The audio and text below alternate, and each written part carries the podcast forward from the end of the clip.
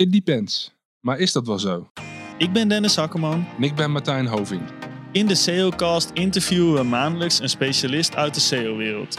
Aan de hand van bekende thema's en ontwikkelingen binnen SEO vragen we de specialist om zijn of haar kennis met de wereld te delen. Veel luisterplezier. Onze volgende gast is misschien een van de eerste SEO-specialisten die het tot docent van de heuse SEO-miner geschopt heeft. En die liefde voor het opleiden van nieuwe SEO-specialisten kunnen we natuurlijk alleen maar waarderen. Hij heeft een flinke basis bij meerdere bureaus, aan de klantzijde en als freelance SEO-specialist voor meerdere multinationals.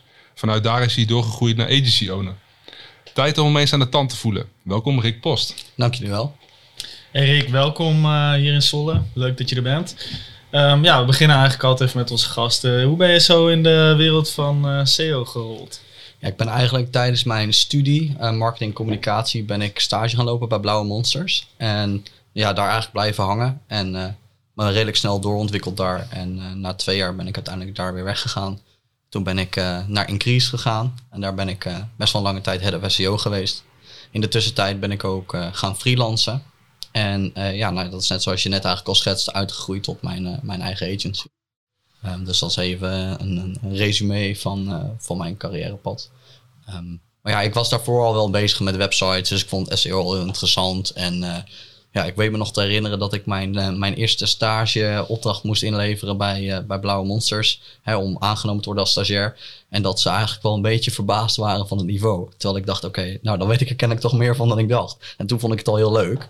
En cool. nou, daarom eigenlijk daar blijven hangen en eigenlijk nou ja, al tien jaar even enthousiast over, over ons mooie vak. Hey, en waar kwam die uh, initiële kennis, waar kwam die vandaan? Nou, ik denk dat de generatie SEO-specialisten die zeg maar dit aantal jaren ervaring heeft, die zijn allemaal heel erg zelf geschoold natuurlijk. Hè? Dus die, die, die zijn gewoon zelf op internet gaan zoeken, zelf dingen gaan proberen. Ik bedoel, in die tijd had je niet alle leermiddelen die we nu hebben. Dat is ook een van de redenen. Maken we straks een mooi bruggetje naar dat ik uiteindelijk les ben gaan geven aan de Hogeschool van Amsterdam. Um, maar dat had je allemaal niet. Dus wat ging je doen? Je ging daar informatie over SEO opzoeken en dan ging je je eigen site bouwen en dan ging je dat proberen. En in je, tijdens je stage ging je, ja, kreeg je een beetje ondankbare taken zoals linkbuilding. Uh, wat natuurlijk super leuk is, want het is nog steeds heel erg belangrijk. Um, maar ja, weet je, daar, je leert gewoon door te doen. En dat was toen natuurlijk ook al heel erg zo. Ja. Um, Want die opdracht, wat was dat voor uh, opdracht die je moest doen? Tijdens stage. Ja? ja, heel veel linkbeelden. En toen was het natuurlijk nog heel veel ouderwets linkruilen en zo. En op ja. een gegeven moment uh, had ik zelfs de bijnaam Linker Rick gekregen. Cool, cool. Goeie ja. bijnaam. Een goede bijnaam. Ja. Nu achtervolgt hij me tien jaar later af en toe nog steeds. Dan, dan is je uh, Linker Rick. Maar nu, nu, nu gaat hij de hele SEO-wereld mij zo noemen. Dat is wel... Oké, okay, daar moeten we vanaf. Uh, ja, sowieso. Ja, ja, ja, maar ja, weet je, het, zo begint het wel. En, en als je ook zeg maar de wat meer bulkmatige taken leuk vindt. Hè. Sommige mensen ervaren zeg maar handmatige outreach zoals we dat vroeger deden als saai werk.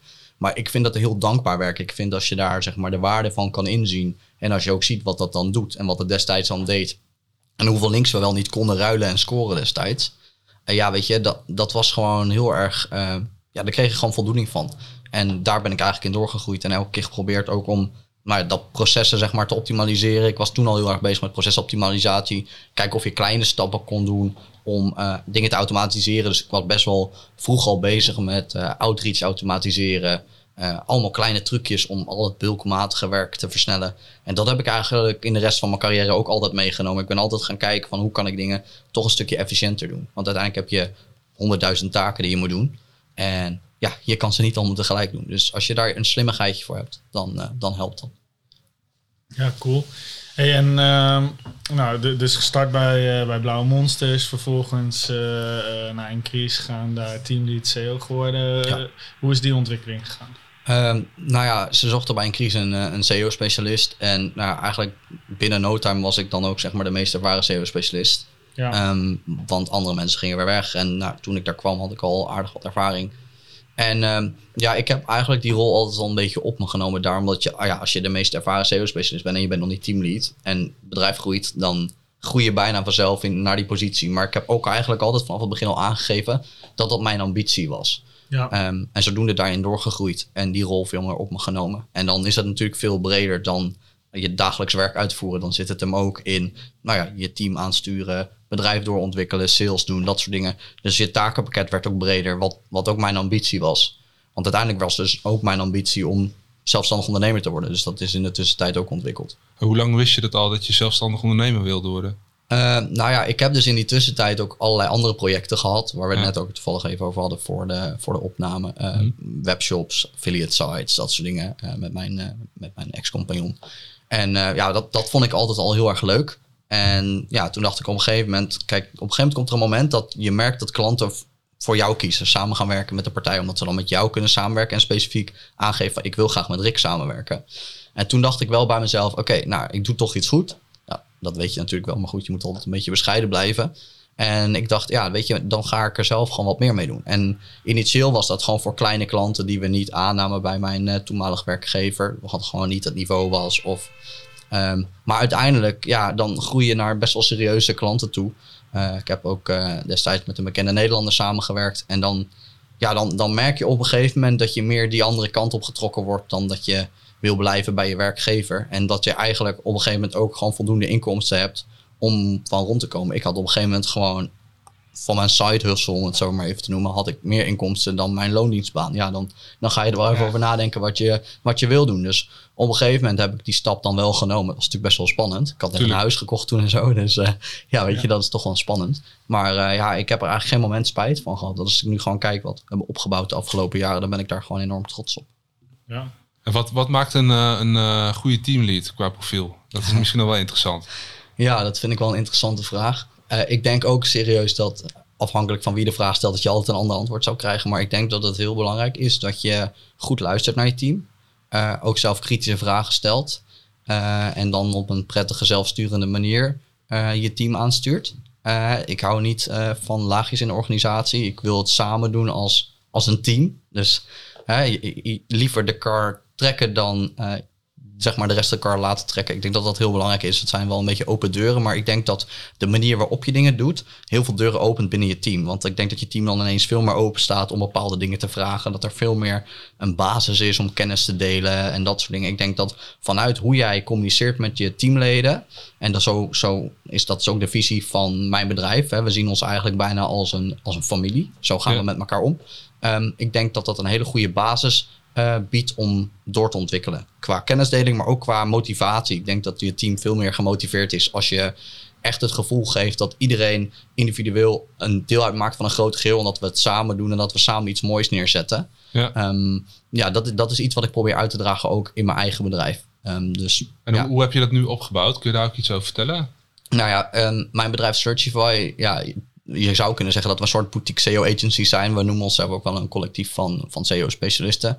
Um, ja, dus we zijn gewoon een collectief van specialisten. En uh, er komt er steeds weer eentje bij. Sommigen komen via de opleiding van de Hogeschool van Amsterdam. Andere loop ik gewoon tegenaan. Um, maar ja, wij, wij werken samen als een geheel. Maar we zijn wel eigenlijk de meeste van ons zijn allemaal freelancers. Maar omdat je het samen doet, uh, kan je gezamenlijk je marketing doen. Je kan gezamenlijk optrekken als er bijvoorbeeld iemand ziek is of wat dan ook. Dus je hebt eigenlijk alle voordelen um, van, een, van, van een loondienst zijn, zeg maar, omdat je samen dingen doet. Maar je hebt ook de voordelen van zelfstandig ondernemer zijn. Want als iemand bij ons zegt, ik ga een maand op vakantie, dan kunnen wij deels uh, het werk opvangen. Maar het kan ook gewoon. Hè? Je mag bij ons remote werken. Iedereen werkt remote. Of je nou in Nederland zit of in het buitenland. Sommige van onze mensen die werken gewoon de hele winter vanaf uh, de Canarische eilanden. Dus wij proberen eigenlijk zoveel mogelijk vrijheid te geven. Maar wel de voordelen van samenwerken.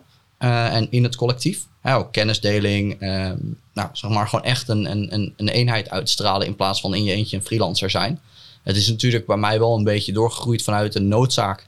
Uh, Dus ik had op een gegeven moment gewoon meer klanten dan wat ik aankon. En er kwamen een paar hele grote, uh, gave klanten bij ons aan. En toen dacht ik, ja, wat ga ik nu doen? Ik wil niet mijn kleine klanten die ik al vijf jaar heb wegdoen, omdat ik nu een grote klus wil aannemen. Dus daar is het eigenlijk een beetje vanuit gegroeid. Maar ja, die visie heb ik wel altijd gehad om het bedrijf zo op te zetten. En ik denk dat we daarmee ook, er zijn ook wel andere partijen die doen, maar dat we wel een tamelijk uniek concept hebben. Dat onze dienstverlening ook net even iets anders is dan, uh, dan een gemiddelde partij, zeg maar. Ja, ja, en wat, uh, wat, wat maakt jullie anders dan die gemiddelde partij? Nou, wij proberen onszelf echt te zien als een, uh, nou ja, dat, dat pretendeert iedereen natuurlijk, maar als een specialistische partij. Maar dan ga ik ook even uitleggen uh, waar, waar dat dan in verschilt. Wij werken bijvoorbeeld ook met sommige agencies samen als ze best wel een capaciteitsprobleem hebben of hele ingewikkelde vraagstukken. Dan vliegen ze soms bijvoorbeeld mij in.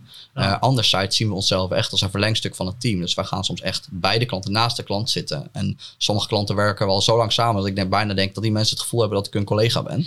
Ehm, daardoor zie je meer, hoor je meer.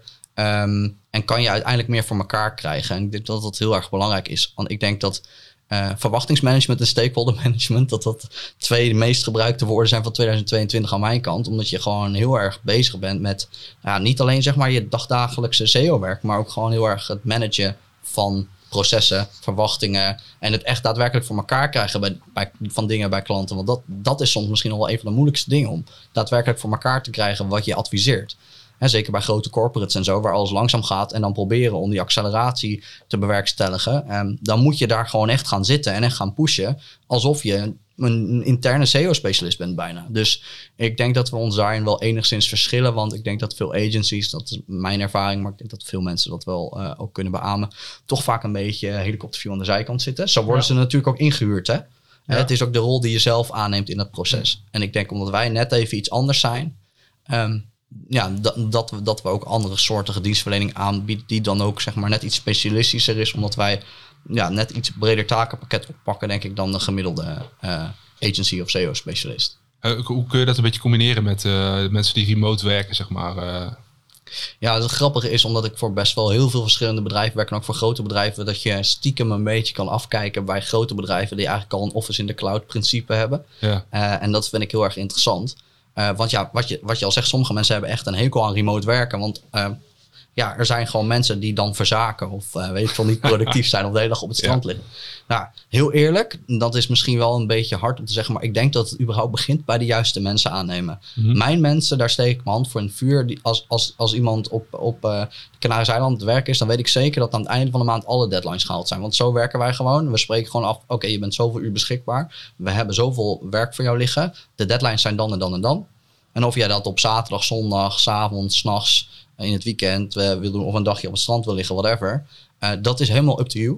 Ja. Ehm, maar ik wil wel dat het werk op tijd opgeleverd is en dat het kwalitatief is. Ja. En als, dat, als, als er op enig moment niet meer aan die voorwaarden wordt voldaan, ja, dan hebben we een heel groot probleem samen. Het is Als gewoon dat- output gestuurd natuurlijk. ja, Ja. als dat wel goed gaat, dan geef je mensen de vrijheid. En wat gebeurt er als je die mensen de vrijheid geeft? Dan nemen ze hun verantwoordelijkheid. Ja. En ik denk dat dat heel interessant is. En ik denk dat als je dat vanaf het begin communiceert en hanteert en daar heel duidelijk over bent en die focus ook ehm, daarop legt, dat je juist ook heel veel te bieden hebt voor je mensen waar je mee werkt. Mhm. En het- ik zie ze eigenlijk bijna meer als een partner. Ik ben al wel de enige eigenaar, maar ik zie ze eigenlijk meer als een, als een businesspartner dan als een medewerker. Dus je verstandshouding is ook heel anders met die mensen. Betekent ook dat je ze heel concreet kan aanspreken als ze hun verantwoordelijkheden niet nakomen. Nee. Dus dat, ik denk dat dat al een wezenlijk verschil maakt. En heb je ook nog, eh, eh, even los van de goede mensen aannemen, tips voor eh, bedrijven die eigenlijk gewoon remote willen gaan werken? Hoe doe je dat qua systemen? Ja, ik denk dat het belangrijk is om een werkstructuur op te zetten die voor jou werkt. En dat is grappig, want we hebben altijd over die specialistische dienstverlening. Dus alles wat wij doen is maatwerk. Dus wij passen ons vaak aan op de klant. Wij komen niet met gestandaardiseerde dingen, maar wij proberen een werkwijze te definiëren die optimaal samenwerkt met de klant. Waarbij je dus ook processen gebruikt van de klant. Nou ja, heel veel mensen hebben heel veel ervaring. Dus je hebt waarschijnlijk heel veel dingen gezien die wel en niet werken. Ehm, dus je moet kijken, één, wat werkt voor jou qua communicatiestructuur? Wij doen heel veel via Slack. Ehm, als iemand niet online is op Slack, dan heb je altijd nog WhatsApp of je kan even bellen. Dus je kan eigenlijk iemand altijd bereiken. Hè? Soms dan is het zo van, oh, iemand is niet online op Slack of op Teams. Oh, die is er niet. Nee, dat is onzin. Iemand kan nog steeds op het strand liggen. Als een van mijn, van mijn partners, van mijn medewerkers op het strand ligt en ik heb een vraag, dan bel ik gewoon en dan vraag ik, komt het gelegen? Je kan iemand altijd bereiken. Dus ik denk dat die mindset, dat dat belangrijk is, dat je daar afspraken over maakt. Wij hebben gewoon werkbare tijden en tenzij jij zegt eh, dat je echt vrij bent en niet gestoord wil worden, dan ben je dan gewoon bereikbaar. Ehm, en, en- dus dat betekent dat als jij ervoor kiest om even middag op het strand te gaan liggen en s'avonds weer te gaan werken, dat het wel kan zijn dat ik je even bel. Ja, dat kan. Ja. Dus ik denk dat het Dat is daar... ook niet erg. Nee, dat is niet erg. Weet je, tenzij je aangeeft dat je het echt niet wil. Kijk, ik heb af en toe echt zo'n dag dat ik even gewoon 24 uur wil afschakelen. Dan zeg ik mij niet bellen. Alleen in noodgevallen. Ehm, maar ja, anderzijds, weet je, dus daar kan je gewoon duidelijke afspraken over maken. Vervolgens duidelijke afspraken over werkstromen. Hè, eh, in welke systemen werk je? Wel, hoe werk je met deadlines? Ehm, hè, eh, wanneer leveren we dingen op? Hoe doen we projectmanagement? Weet je, als, als die basis er allemaal is, en dan is communicatie eigenlijk het allerbelangrijkste. Ik bedoel, als die communicatie ontbreekt, dan faalt het hele principe. Ik denk dat heel veel remote werken eh, situaties falen in communicatie. Eh, maar als die communicatie aanwezig is en het is voor iedereen duidelijk hoe we werken en wat we doen, dan kan je eigenlijk redelijk zelfsturend zijn ook. Hè? Ik bedoel, als ik gewoon zorg dat al het werk klaar ligt en gebriefd is, Ehm, ja, dan weten mijn eh, mensen gewoon wat ze moeten doen. En als ze dat niet weten, dan weten ze me te bereiken. Mhm. Ehm, het enige wat wel heel lastig is, daar zijn we nu echt heel actief mee aan het werk, is ehm, binding creëren. Ja, precies. En dan bedoel ik niet per se dat die mensen allemaal bij me weglopen, maar meer dat je echt het gevoel hebt dat je een team bent. Dus we proberen nu sowieso een paar keer per maand gewoon leuke dingen samen te doen. En, en dat is wat minder op het moment dat mensen in het buitenland zitten. Uh, maar we overwegen bijvoorbeeld ook om een werkreis te gaan maken met z'n allen. Om gewoon een, uh, een, mooie accommodatie te gaan huren. En daar gewoon een weekje met z'n allen te gaan zitten werken. Zodat we elkaar wel beter leren kennen. Want je merkt dat sommige mensen minder met elkaar samenwerken. Elkaar dan ook minder kennen. Maar stel dat ik dan een keer op vakantie ben en ze moeten samen de boel cheffen. Ja. Uh, ja, dan is het ineens wel van, oh ja, ik ken diegene eigenlijk niet zo goed. Dus we zijn daar ook gewoon, in december hebben we een soort jaarevaluatie gedaan. En toen hebben we met stickies allemaal kwaliteiten en tips en tops opgeschreven voor elkaar. En toen kwamen we er eigenlijk achter dat sommigen elkaar niet zo goed kennen. En dat is ook een learning die we meenemen om ons team te versterken. Want ik bedoel, uiteindelijk, hè, anders kunnen we net zo goed allemaal in ons eentje gaan freelancen. We zijn samen een sterker collectief. En uh, ja, daar wil ik ook aan doorbouwen. Dus dat, ik, dat is misschien nog wel een belangrijke learning. Remote werken kan wel heel snel zorgen voor isolatie en eenzaamheid. Ja, precies. En hoe, hoe zit het met kennisdeling? Uh, je, hebt natuurlijk, uh, je bent een collectief en je probeert elkaar slimmer te maken en te sparren. Ja. Heb je daar ook manieren voor om dat ook remote te doen? Ja, we, doen, uh, we hebben diverse Slack channels waar we kennis delen. Dus gewoon artikelen hebben waarvan ik echt zeg, oh, dit is zo'n goed artikel, dit moet iedereen even lezen. En dan, ja. dan probeer ik ook te sparren met mensen van, joh, heb je, wat vond je ervan? om even te checken of mensen het wel doen. Zo kleine controle meegedeeld. ja. ja, maar het is wel belangrijk, weet je. Want ja. als, als je eenmaal dat in je systeem hebt zitten en iedereen doet het, dan gaat het goed. Als dat ergens faalt in communicatie, dan hebben we het weer over communicatie, dan gaat het niet goed. Dus dat is belangrijk. En gewoon, ja, nou ja, het begint hem sowieso met, eh, in het begin was ik de kennis van mijn bedrijf. Dus mijn bedrijf draaide op mijn kennis. En eigenlijk is het businessmodel uh, het schalen van mijn kennis en het verrijken van mijn kennis met dat van andere specialisten die met ons samenwerken. Dus het zit hem ook in hoe je dingen brieft, uh, actief feedback geven. Dus sommige mensen die van de HVA afkomen en dan met ons samen gaan werken uh, in ons collectief, die krijgen eigenlijk een soort traineeship. Um, ja, waarbij ik echt heel actief ze ook begeleid en tips geef van hoe ik het anders zou doen. Um, en ja, je vraagt ook graag aan andere mensen van, joh, wat vind jij ervan? Hoe zou jij het aanpakken? En zo komt die kennisdeling eigenlijk wel automatisch op gang vanuit een natuurlijke communicatie. Maar we zijn constant actief bezig om ook meer te gaan documenteren. Want dat is iets, documentatie van kennis, uh, zeker bij kleinere bedrijven, daar schort het wel eens aan. En als je dan wil opschalen, is dat een probleem. Ja. Uh, dus we zijn daar heel actief mee bezig om ook alles te documenteren. Dat we gewoon standard operating procedures klaar hebben liggen voor bepaalde taken. Um, maar dat maakt het soms ook wel lastiger, want je bent altijd een beetje in die shifting aan het kijken van standard operating procedures, zodat kennis schaalbaar wordt en zodat je je bedrijf kan schalen, maar toch maatwerk blijven leveren. Dus toch even die extra maal gaan, even kijken van wat is er anders bij deze klant, zodat je niet zo'n stand, gestandardiseerd rapport eruit gooit, maar dat je echt nou next level werk oplevert. Want uiteindelijk vind ik kwaliteit van ons opgeleverde werk het allerbelangrijkste. En ik blijf liever wat kleiner en dat we gewoon altijd deze kwaliteit kunnen leveren, dan dat we opschalen zoals je bij sommige partijen ziet en dat eigenlijk nou ja, 80% van het werk door allemaal juniors wordt uitgevoerd omdat ze zoveel klanten hebben aangenomen dat ze eigenlijk niet genoeg uh, specialistische kennis in huis hebben om dat echt goed op te pakken. En dat, dat vind ik wel een, uh, een kwalijke zaak. Ik mm-hmm. vind dat een beetje zonde van ons mooie vak dat dat zo gaat. Ja. Cool. Hey, ik vraag me nog wel af, want uh, nou, je hebt dan een team wat met name uit freelancers bestaat. Um, en enigszins gaat dat misschien ook wel tegen, een beetje tegen hun natuur in. Want uh, ja, enerzijds wil je de vrijheid van freelance zijn, maar eigenlijk uh, committeer je dan toch weer tot een, uh, een bureau. Hoe zorg je dat je dat, dat team vasthoudt? Nou, het is wel grappig dat je dat zegt, want um, heel veel mensen die met ons beginnen met samenwerken, die hebben ook nog eigen klanten daarnaast. Ja. Dan maken wij de duidelijke afspraken over hoe we daarmee ja. omgaan. Maar eigenlijk de meeste mensen die met ons werken, die zijn gaandeweg eigenlijk alleen nog maar voor het collectief aan het werken. Die vinden dat zo leuk. Het geeft, geeft ze zoveel voldoening dat we het samen doen. Um, en het geeft ze ook veel voordelen natuurlijk. Uh, dat, dat eigenlijk bijna, bijna iedereen alleen nog maar exclusief met ons werkt. En nou, misschien nog een keer een oude klant uh, on the site heeft, omdat ze dat nog een leuke klant vinden. En daar is dan ook alle vrijheid voor. Hè? Je geeft zelf gewoon aan hoeveel beschikbaarheid je hebt. Um, dus eigenlijk uh, ja, gaat dat best wel goed. Ik maak me daar eigenlijk niet zoveel zorgen over. Maar dat komt ook omdat we Um, alleen specifieke mensen aannemen met bepaalde kwaliteiten. Want ik wil naast dat ze het juiste kennisniveau hebben voor de rol die we zoeken, ook echt dat, ze, dat ik het gevoel heb dat ze een aanvulling zijn op het team, dat ze bij ons passen, dat er een fit is. Want anders raak je uit balans. Um, dus ja, die, ze zitten denk ik over het algemeen ook gewoon lekker op hun plek. En ik denk dat het ook heel erg, uh, heel erg uitmaakt. Want op zich, hè, dat kun, kunnen jullie misschien allemaal wel beamen, een freelance bestaan kan ook best wel eenzaam zijn. En je, je, kijk, je hebt je klanten, maar je zoekt af en toe ook sparringspartners. En je wil ook gewoon eigenlijk hè, dat koffiepraatje wil je ook gewoon maken. Want dat doen wij gewoon via Slack. Ja, Dat precies. koffiepraatje. En hoe kom je aan die mensen dan? Eh, hoe bepaal je of ze kwalitatief genoeg zijn om voor Searchify te werken?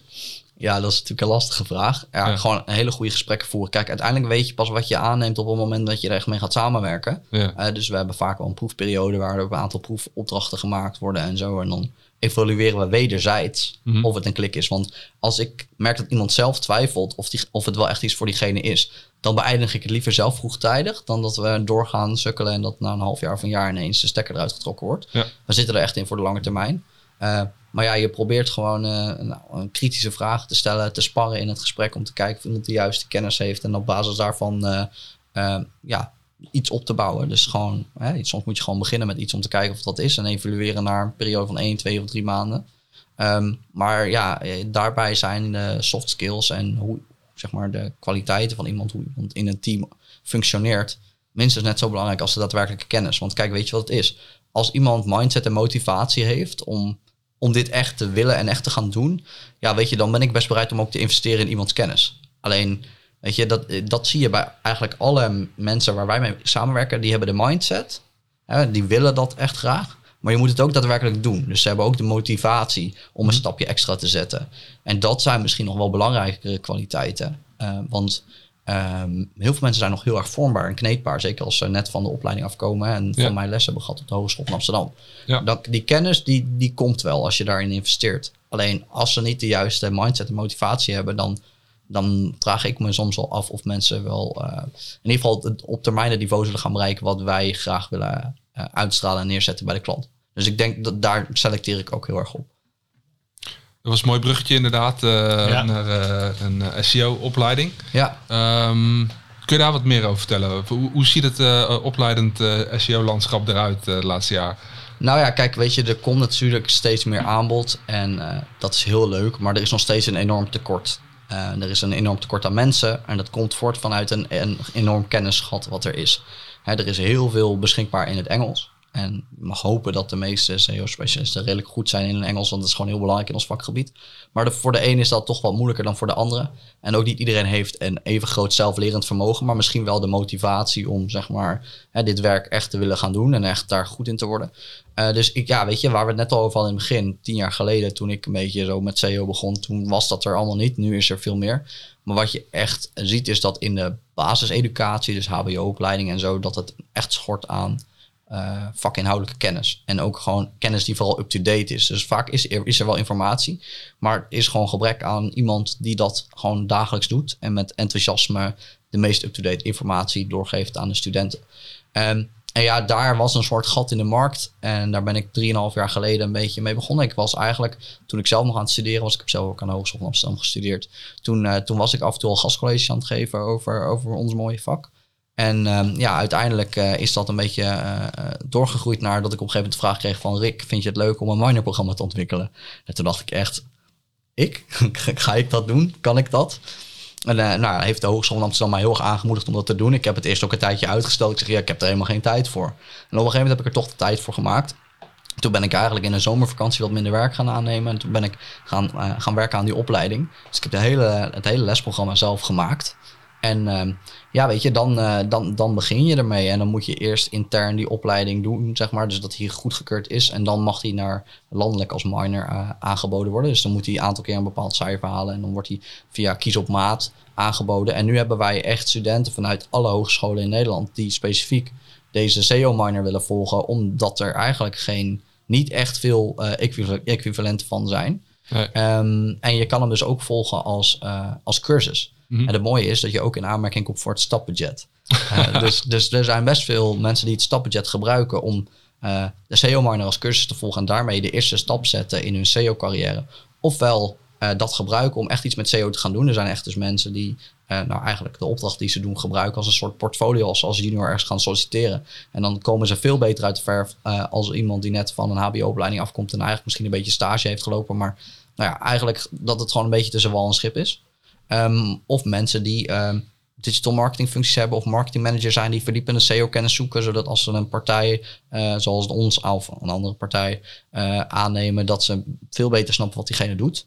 Ehm, dus het is niet echt zeg maar, bedoeld om uh, verder door te ontwikkelen. Daar is ook nog een heel groot kennisgat waar, waar ik persoonlijk ook graag nog dingen mee zou willen doen. Mhm. Maar het is echt bedoeld als springplank voor mensen om, om iets te gaan doen met, met, met ons mooie vakgebied. Cool. En dat curriculum, hoe ziet dat eruit? Uh, nou ja, het bestaat eigenlijk, is het opgedeeld uit uh, content, autoriteit en techniek, de drie pilaren van SEO. Dus zo zijn de, de hoofdstukken ook opgebouwd. En we doen eerst eigenlijk de eerste twee, drie weken hebben we een soort van inleidende hoofdstukken, waarbij we alles een beetje kort aanraken. En dan gaan we daarna steeds één of twee weken met een specifieke pilaar van, van SEO aan de gang. En dan gaan ze ook echt, ze gebruiken bijvoorbeeld SEM Rush. En dan gaan ze echt analyses uitvoeren. Ze maken een zoekwoordanalyse, ze gaan een linkprofielanalyse doen, ze gaan een stukje technische analyse doen. Ze gaan zelfs aan de slag met een stukje data, wat ze soms best wel spannend vinden. Want als jij nog nooit uh, iets met uh, programmeertaal hebt gedaan, ja. wat dan ook, en je moet in één keer in, uh, in JSON iets gaan maken, dan, dan is dat voor sommige mensen best wel spannend. Stap, ja. Maar we, we, we, we, bieden dat heel draag, laagdrempelig aan, zodat het ook gewoon echt wel goed te doen is. Um, en dan kijken we zelf nog een stukje mee richting wat het dan mogelijk zou kunnen gaan opleveren. Wat natuurlijk best wel moeilijk is. Goed, als je ze een beetje laat zien wat de, wat de CTR doet gemiddeld gezien. En hoeveel verkeer je dan zou kunnen verwachten vanuit een bepaald keyword. Op het moment dat je een bepaalde positie bereikt. Krijgen ze toch een beetje wat meer gevoel bij de potentie en de impact. Want ik probeer ze echt een beetje nog eigenlijk is het al best wel vroeg. Ja? En ze zijn pas net bezig met een SEO-carrière. Maar ik probeer ze wel een beetje het gevoel te geven van... Oké, als je aan deze knop draait, dan kan je dit en dit verwachten. Hè? Want eigenlijk prioritering is heel belangrijk in ons vakgebied. Dus ik probeer ja. dat nu eigenlijk al mee te geven. Zodat het zaadje geplant is. Zodat zodra ze meer ja, praktijkkennis op gaan doen... dat ze dat ook gaan zien van... Oh ja, maar als ik nu dit doe... dan kan ik dan en dan dit resultaat verwachten. Dus dat proberen we ook al mee te geven. Uh, dus dat is een beetje in de basis... Uh, hoe, hoe, het, hoe het is vormgegeven. Cool. En, uh, en hoe populair is de miner? Uh, nou, best wel populair, maar niet populair genoeg. Ik denk dat heel veel mensen niet weten van het bestaan. En ik denk dat heel veel mensen het heel interessant vinden. Dus uh, we zijn ook actief bezig met nou, het vergroten van de namensbekendheid. Maar ja, ik, ik, ik ben best wel tevreden. Want weet je wat het is? Je kan beter 10, 20 hele goede studenten hebben die heel erg gemotiveerd zijn dan 40, 50, waarvan de helft uh, nou, na twee weken denkt van, oh, wat is dit? Want heel veel mensen hebben een verkeerde perceptie bij ons vakgebied. Heel veel mensen die net komen kijken, die denken, oh, het is een beetje zoekwoorden in een tekst verwerken en dat is het. En dan gaan we ineens technische SEO doen en linkbuilding en gaan we het hebben over autoriteit, hè, dat soort dingen. En dan ja. haken sommige mensen gewoon af. Dus die komen er al in een vroeg stadium achter dat ze misschien SEO-content specialist willen worden. Of misschien uh, copyright of whatever. Maar dat ja, het full spectrum, mm. dat, dat, dat, dat, dat, ze dat, dat ze dat niet ligt. En anderzijds hebben we soms ook mensen van technische opleidingen die, die websites bouwen. Die heel erg geïnteresseerd zijn in het technische stuk van SEO. En misschien vanuit een development rol uiteindelijk doorgroeien tot technische SEO-specialist. Maar echt next level. Met echt programmeerkennis en zo. Dus ja, het is eigenlijk heel divers. Um, maar best veel, nou best veel zou ik niet zeggen, maar er is een percentage van mensen dat eigenlijk gewoon gedurende de minor of cursus erachter komt dat het niet helemaal is wat ze ervan hadden verwacht. Nee. En dat is ook logisch. En ik denk dat dat ook een, een van de oorzaken is waarom er zoveel gebrek is aan goede mensen. Want sommige mensen het gewoon te complex en te multidisciplinair vinden. En liever focussen op een andere marketing specialiteit. Ja. Hey, en um nou, uh, op dit moment zitten we natuurlijk vol in het verhaal met uh, de chat GTP's en de BARTs en de, de potentiële Bing-uitrol. Dat soort uh, technologie, maak jij daar ook al gebruik van met jouw team? ja en nee. Ja, kijk, weet je, we volgen natuurlijk alle trends en we, we, we, ja, we, we springen daar ook op in. Uh, maar wij zijn eigenlijk al twee jaar een beetje bezig om uh, dit soort technologieën in te zetten om content uh, te creëren. Dus wij doen dit eigenlijk al best wel lang, al lang voordat het eigenlijk heel erg, ja, nu wordt het een beetje mainstream. Maar um, ja, weet je, ik, ik, ik ben heel erg mijn team aan het uitdagen op de toepasbaarheid van dit soort technologieën. Want je ziet heel vaak dat het een beetje shit in, shit out is. Hè? Dat we, uh, we kunnen wel heel veel snel heel veel dingen doen, maar hè, wat je schaalt is zo goed als de output. Dus als de output slecht is, dan heb je honderdduizend pagina's met slechte content bijvoorbeeld. En als de output goed is, dan heb je honderdduizend pagina's met goede uh, output. Dus ik denk dat het heel erg interessant is en dat heel veel uh, inhoudelijke werkzaamheden uh, geaccelereerd kunnen worden door dit soort technologieën, door bijvoorbeeld automation toe te passen. Maar ik denk als je bijvoorbeeld kijkt specifiek op, uh, op content creatiegebied, dat, daar een hele grote uitdaging ligt. Hè. Google is natuurlijk ook constant bezig met kijken van oké, als dit AI-generated content is, is dat dan kwalitatief? Hoe kunnen we dat misschien afwaarderen ten opzichte van content die wel handmatig geschreven is? En iedereen wil nu op die trein springen, maar ik denk dat dat nog best wel vroeg is. Uh, want wij gebruiken dit soort vergelijkbare technologieën al echt wel, nou, ik denk al 2,5 jaar. Ehm, maar dat heeft eigenlijk een veel beperkter werkveld en beperktere toepasbaarheid. Dat werkt met name voor hele grote webshops die heel veel teksten nodig hebben die dezelfde structuur hebben. Dus bijvoorbeeld categorieteksten voor grote e-commerce partijen. Ehm, ja, en daar zijn we eigenlijk bezig om niet per se de content te schalen, maar de copywriter. Dus we werken met templates. En die templates zijn eigenlijk een soort van, ja, hoe zou je dat goed kunnen omschrijven? Uh, ondersteund door AI, AI-assisted content zou je het beter kunnen noemen. Um, waardoor je eigenlijk de content die de copywriter normaal zou schrijven, kan opschalen. Dus alsof je een graafmachine gebruikt om je tuin uit te graven in plaats van een schep. Waardoor de kwaliteit veel beter is. En je eigenlijk niet met een tool zou kunnen zien dat het deels AI-generated content is. En wat ook nog wel gaaf is dat we doen, is dat we de content dan ook verrijken met dynamische real-time data. Dus bijvoorbeeld uh, bij een bepaalde klant, uh, bepaalde, uh, stel dat er een bepaalde collectie is van een bepaald merk. dat we dan in de tekst aangeven wat de meest populaire collecties zijn van dat merk. Bijvoorbeeld een kledinglijn, welke, welke collecties van die kledinglijn zijn dan het meest populair. En als dat dan over time verandert of ineens is de zomerkleding er in plaats van de winterkleding, dan past die tekst zich ook real-time aan.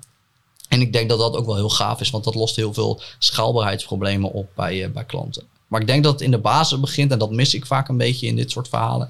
In de basis begint het bij kijken welke problemen er zijn en je probeert op te lossen. Heel veel mensen proberen eigenlijk te kijken vanuit de oplossing. Ik, oh wauw, ik heb nu een coole tool waar ik heel veel content automatisch mee kan genereren. Maar heb je die schaalbaarheidsproblemen? Eh, moet je niet eerst gaan kijken naar wat je kwaliteitsmaatstaven zijn. En dan gaan kijken hoe je dat schaalbaar kan maken. Want ik denk als je dat ernaast gaat houden, dat heel veel van die oplossingen uiteindelijk afvallen op dit moment. Tuurlijk, binnen nu en een aantal jaar, misschien zelfs binnen nu een aantal maanden, die ontwikkeling gaat natuurlijk super snel. Uh, gaat dat echt voor heel veel disruptie zorgen in onze markt. Maar we zijn er gewoon nog niet. En iedereen heeft het erover.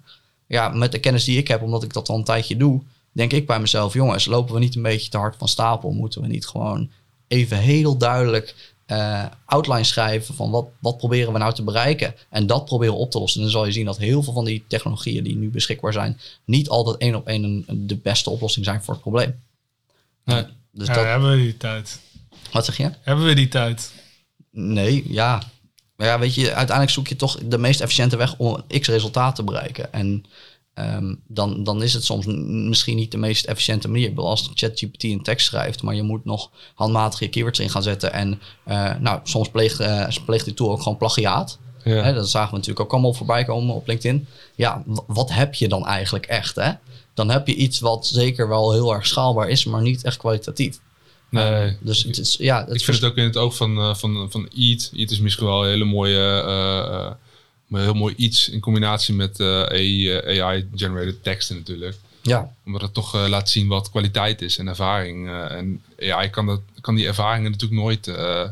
nee, het is gewoon informa het is informatie vanuit andere partijen die wordt hergebruikt. Terwijl je juist je eigen expertise wil ja, tonen exact dat.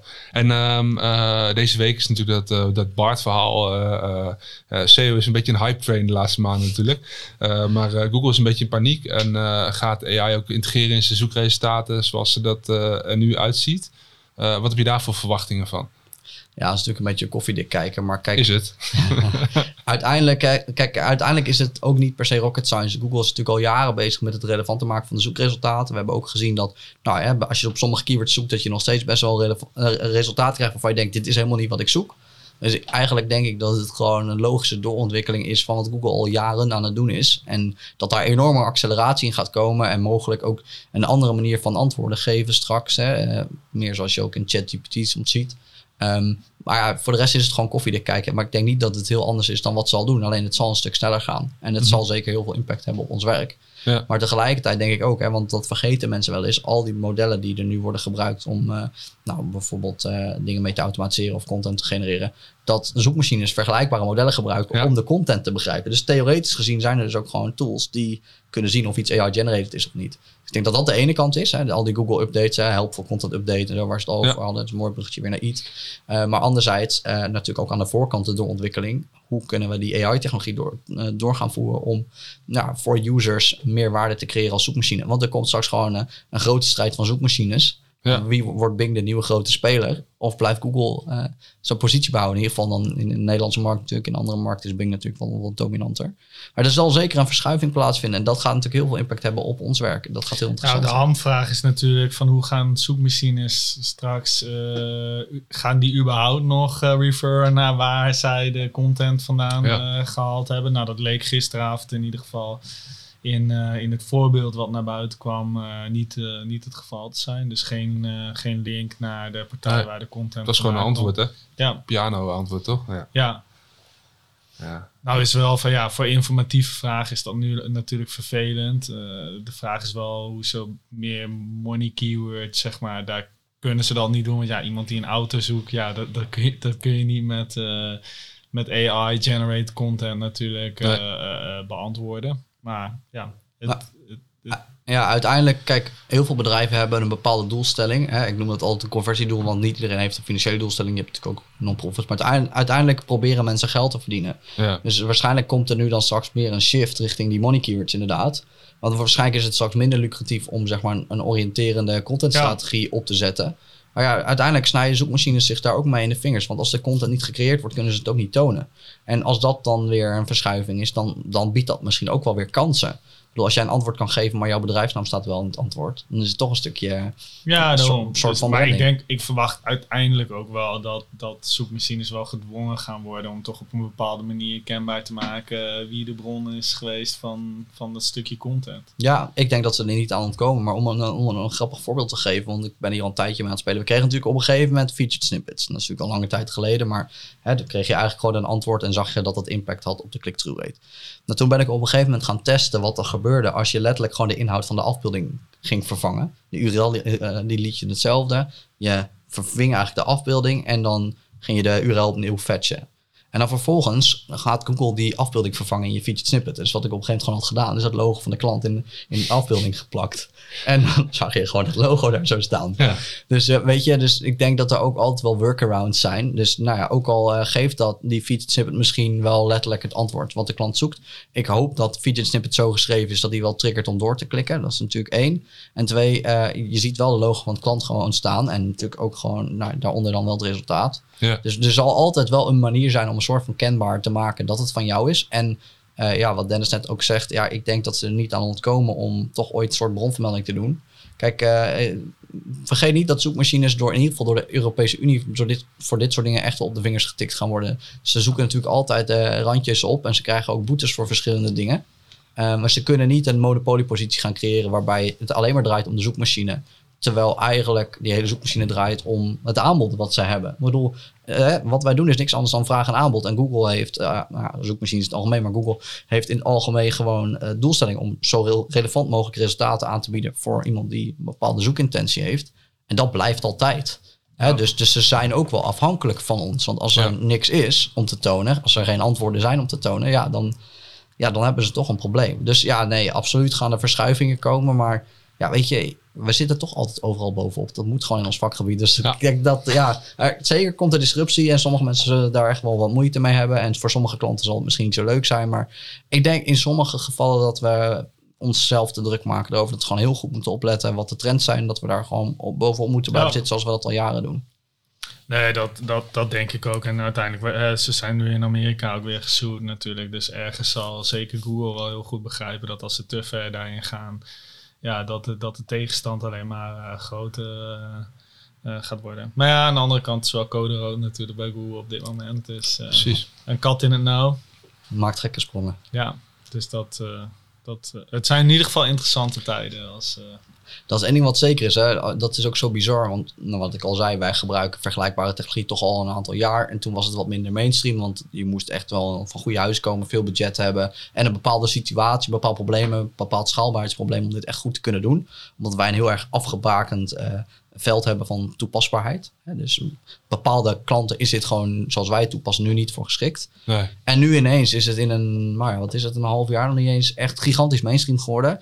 Dat zelfs mensen die ehm, eigenlijk niks met ons werk doen, maar die weten dat ik dit doe, tegen mij zeggen: Joh, Rick, wat vind jij daar nou van? Ik zag het op LinkedIn. ja, Nou, dan denk ik, ja, dan, ga- dan, dan is er wel echt iets gaande. Dus ik vind dat wel bijzonder. En dat, ik denk dat dat wel weer een soort van alarmsignaal is van hoe waakzaam we moeten zijn. Omdat ja, het is gewoon een hele disruptieve markt en er zijn heel veel disruptieve technologieën.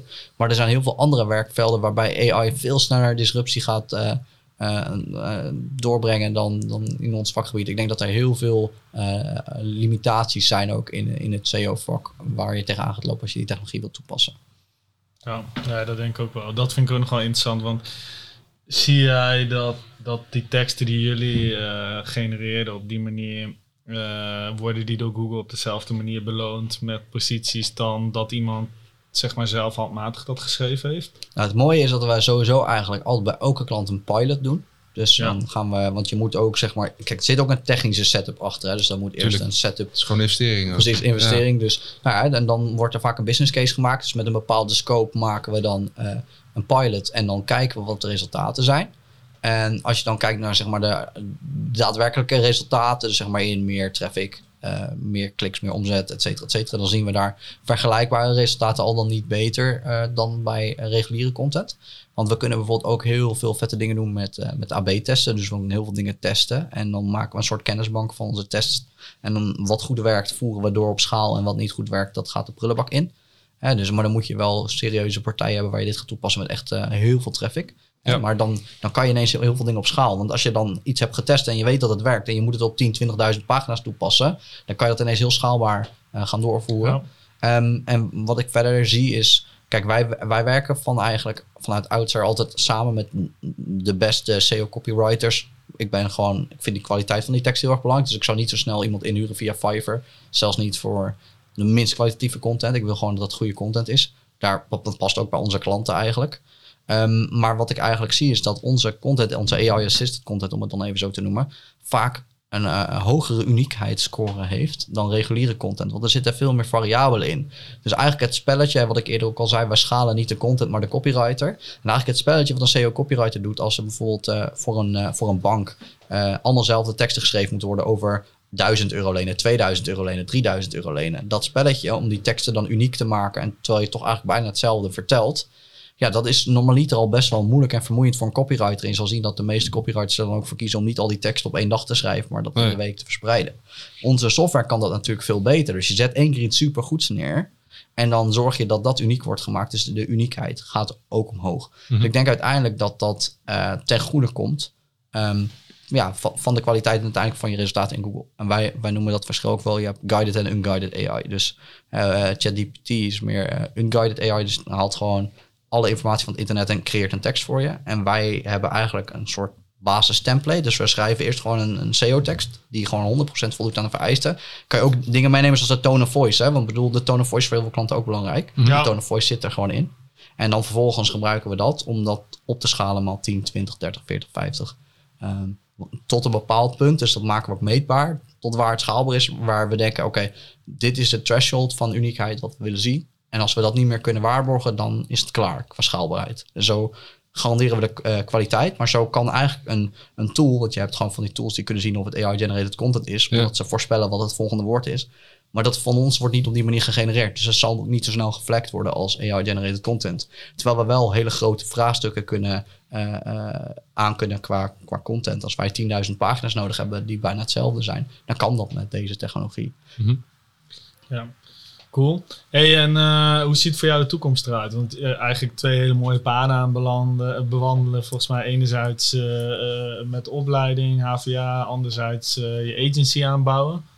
Ja, nou ja, dat is natuurlijk altijd een goede vraag. Kijk, ik heb natuurlijk wel een, een drie tot vijf jaren plan. En de hoofdfocus gaat wel zijn mijn eigen bedrijf, mijn agency, verder uitbouwen. Omdat ik heel erg geloof in het concept zoals we het nu hebben neergezet. we krijgen die feedback van onze klanten dat het werkt. We hebben hele mooie klanten waar we voor werken.